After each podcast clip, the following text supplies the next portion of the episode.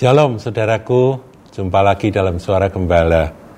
Saudara, dalam Mazmur Daud di pasal yang ke-24, kitab Mazmur, kita temukan bagaimana Daud itu menuliskan apa yang menjadi uh, pewahyuan yang Tuhan berikan kepadanya. Dia catat itu. Kita akan lihat ayat yang ketiga dari Mazmur 24. Demikian bunyi firman Tuhan. Siapakah yang boleh naik ke atas gunung Tuhan? Siapakah yang boleh berdiri di tempatnya yang kudus? Orang yang bersih tangannya dan murni hatinya, yang tidak menyerahkan diri pada penipuan, dan yang tidak bersumpah palsu Dialah yang akan menerima berkat dari Tuhan dan keadilan dari Allah yang menyelamatkan dia. Nah, saudaraku, rupa-rupanya Tuhan itu berkenan pada orang-orang yang seperti yang ditulis oleh Daud ini. Dan merekalah orang-orang yang dapat menghampiri Tuhan, dapat mengalami perjumpaan dengan Tuhan. Yaitu bersih tangannya, tangan ini kan bicara tentang pekerjaan ya. Jadi dia tidak melakukan hal-hal yang kotor, yang tidak menyerahkan diri pada penipuan. Tapi sebelum itu dikatakan dan murni hatinya. Jadi hati itu motivasi, tangan ini perbuatan, saudaraku ya. Jadi dalam setiap perbuatan dia bersih, bersih tangannya, dan motivasinya juga murni, tulus, saudaraku.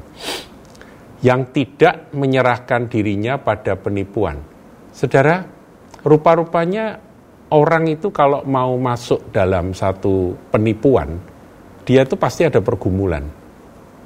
In, tahu kan, ya kebenaran firman Tuhan kan sudah disampaikan, dia itu ngerti. Ini kan bicara di antara umat Tuhan. Jadi ngerti kalau ini adalah ketidakjujuran, ini adalah penipuan, ini adalah korupsi, ini adalah pencurian dan sebagainya itu ngerti saudaraku. Tapi kalau dia yang seperti ditulis ini menyerah, ya menyerah pada penipuan artinya ya sudahlah aku jadi penipu ya nggak apa-apa, pokoknya aku bisa jadi kaya begitu ya. Nah, kalau dia sudah menetapkan demikian ya dia tidak masuk kategori orang yang boleh naik ke atas gunung Tuhan dan boleh berdiri di tempatnya yang suci itu. dan yang tidak bersumpah palsu. Jadi mulutnya itu bisa dipegang, saudara. Apa yang dia katakan, kalau iya adalah iya, kalau tidak adalah tidak. Selebihnya berasal dari si jahat. Nah dikatakan di ayat 5, dialah yang akan menerima berkat dari Tuhan dan keadilan dari Allah yang menyelamatkan dia.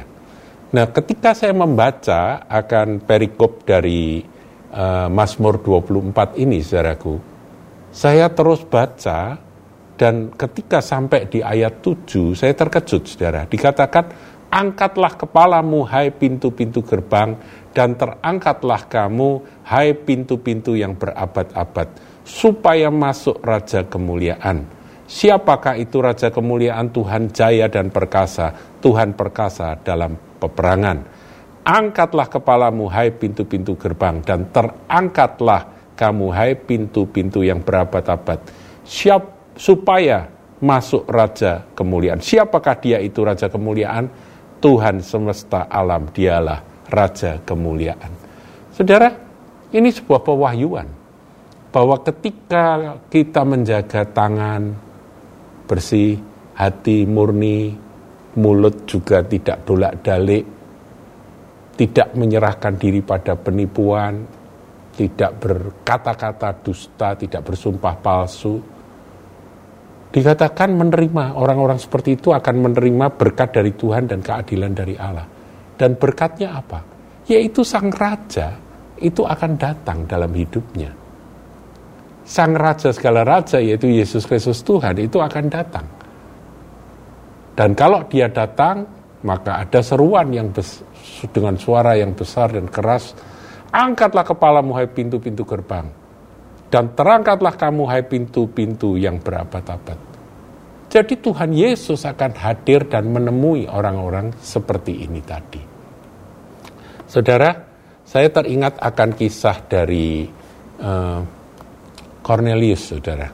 Cornelius ini seorang perwira pasukan yang disebut pasukan Italia. Kalau saudara lihat di kisah pasal 10, itu ada kisah tentang Petrus dan Cornelius.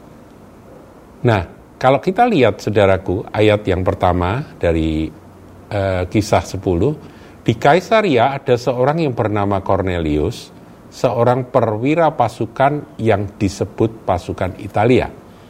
Ia saleh, ia serta seisi rumahnya takut akan Allah dan ia memberi banyak sedekah kepada umat Yahudi dan senantiasa berdoa kepada Allah.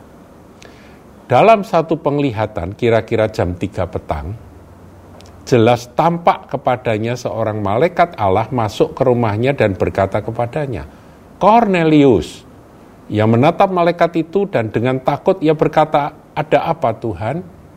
Jawab malaikat itu, semua doamu dan sedekahmu telah naik ke hadirat Allah dan Allah mengingat engkau. Kemudian ayat 5 dan sekarang suruhlah beberapa orang ke Yope untuk menjemput seorang yang bernama Simon dan yang disebut Petrus. Rasul Petrus, saudara, murid Tuhan Yesus. Yang pada waktu itu tinggal di Yope. Dia ada di Kaisaria. Kaisaria dan Yope cukup berjarak, saudaraku. Nah karena Cornelius adalah seorang perwira, maka dia punya banyak bawaan, dia mengutus akan dua orang untuk menjemput akan Petrus. Nah, saudaraku, sampai pada waktunya Petrus mengalami pergumulan karena Petrus adalah seorang Yahudi murni, saudaraku Yahudi asli yang yang mana dia kalau dengan bangsa yang bukan Yahudi seperti ada gap begitu ya Nah untuk itu Tuhan harus mengajar dia, saudara bisa baca sendiri nanti kisahnya.